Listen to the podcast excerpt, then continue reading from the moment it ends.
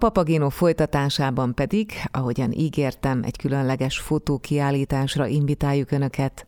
Három színt ismerek a világon címmel, ugyanis március 10-től látható a Tubi galériában Bedekincső fotográfus első egyéni kiállítása. Bedekincső 1995-ben Romániában Kovásznán született. Jelenleg a Molli Nagy Művészeti Egyetem fotográfia mesterszakos hallgatója, korábban a Kolozsvári Babes Bolyai Tudomány Egyetemen tanult filmvágónak. Tagja a Fiatalok Fotóművészeti Stúdiójának. 2020-ban elnyerte a Magyar Fotóművészek Szövetsége fotográfiai ösztöndíját, Ugyanebben az évben a világ legrangosabb fotóművészeti vására a Paris Fotó által fiatal fotográfusok számára meghirdetett Kertő Blanche pályázatán a négy nyertes alkotó egyike volt. A döntősök alkotásaiból nagyszabású kiállítást szerveztek a párizsi Gerdünör állomáson. A transgenerációs traumák feldolgozásával foglalkozó képanyagot a Breda fotó kurátorai is beválasztották a New Talent 2020 tehetségprogramjába, így a sorozat képeit Hollandiában is kiállították. A külföldi sajtóban rendszeresen elismeréssel írnak munkásságáról, továbbá képei szerepelnek a Blurring the Lines 2020-as kiadványában is. A most nyíló kiállítás címét adó Három színt ismerek a világon című sorozat reflexió a Ceausescu korszak Romániájára. A diplomamunka címe a román szocialista köztársaság himnuszának első sorára utal, amit az alkotó igyekezett átültetni a fotográfia nyelvezetére, és azon keresztül annak segítségével figyelni, elemezni a jelentését.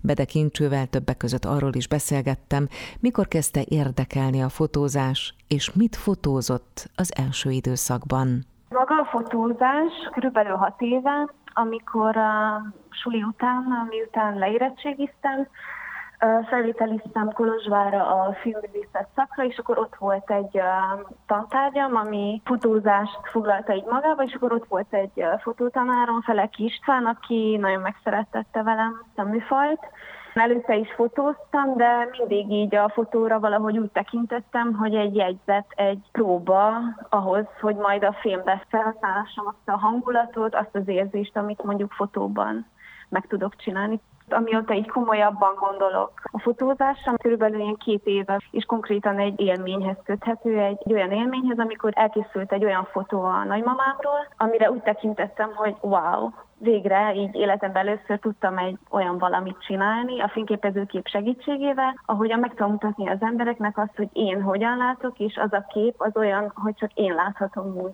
a nagymamámat, uh-huh. és mhm. ez, ez egy nagyon erős élmény volt vissza látni így az érzéseimet egy képen is, és ezt így átadni. Tehát azóta nem kérdés, hogy ezzel kell foglalkoznom, viszont egészen addig nagyon így a filmrendezés, a filmkészítés volt az, ami így meghatározó volt bennem a témáidat tekintve mi az, ami téged mondjuk így az emberi sorsokból, vagy arcokból, vagy történésekből leginkább megragad? Te azért nagyon szeretsz az emberi lélek mélyére utazni, ezt én jól érzem? Igen, igen.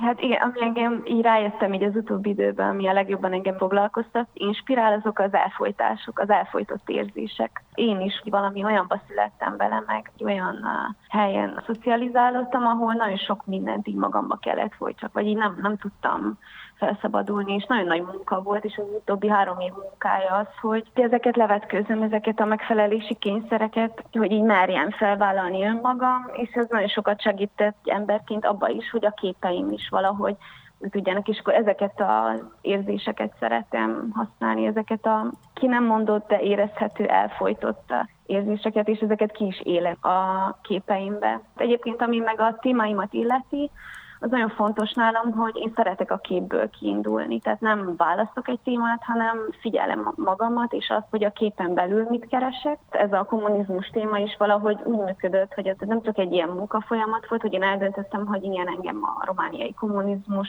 vizuális emlékezete érdekel, hanem, hanem ez egy folyamat volt, az is egy nagyon fontos szempont volt számomra, hogy oké, okay, hogy egy erős téma, meg hogy érdemes ezzel foglalkozom, de hogy őszintén engem miért érdekel ez a téma, és ez volt a legnagyobb megméletetés számomra, hogy, hogy így magamat megtalálja ebben a témában, és hogy engem, aki 95-ben született, tehát a rendszerváltás után hat évvel, miért foglalkoztat annyira egy korszak. És ezen belül is meg mondjuk egy rendszer hogyan tud hatni az emberekre, hogyan formálja az embereket, és mennyire erős hatása van abban, hogy mondjuk embereket elválaszol egymástól, vagy akár az embert saját magától. Az embernek konkrétan mire van szüksége. Mi az, amire az emberek vágynak is, hogy tudnak egy ilyen rendszeren belül működni. És akkor maga a sorozat az, én generációm érzéseit dolgozza fel szüleink fiatal korának tükrében. Hogy mondjuk két generáció, aki teljesen más rendszerben nőtt fel, ugye a szüleim a kommunizmusban, tehát abba születtek bele, abban szocializálódtak, aztán jött a rendszerváltás,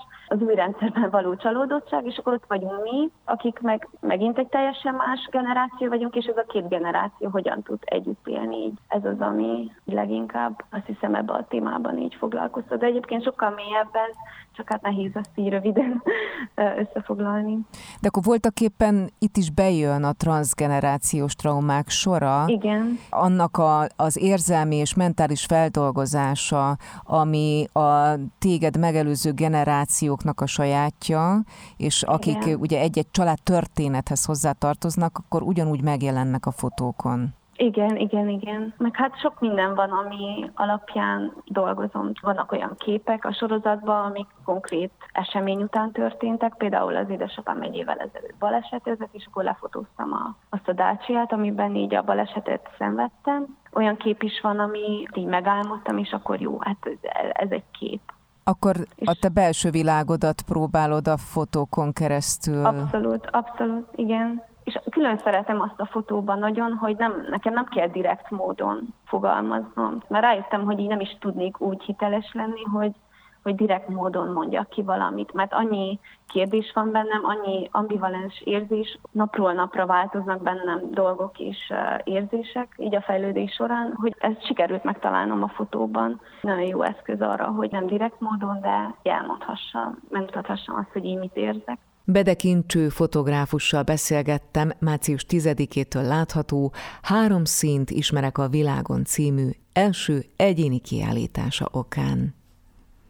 Kedves hallgatóink, a Szegedi Papucs újragondolására írtak ki pályázatot, amelyre bárki beadhatja a mai kor elvárásainak megfelelő, hordható lábbeli terveit. Ezzel a hírrel folytatódik Papagéno Klasszik című műsorunk, itt a Klasszik Rádió 92 egyen.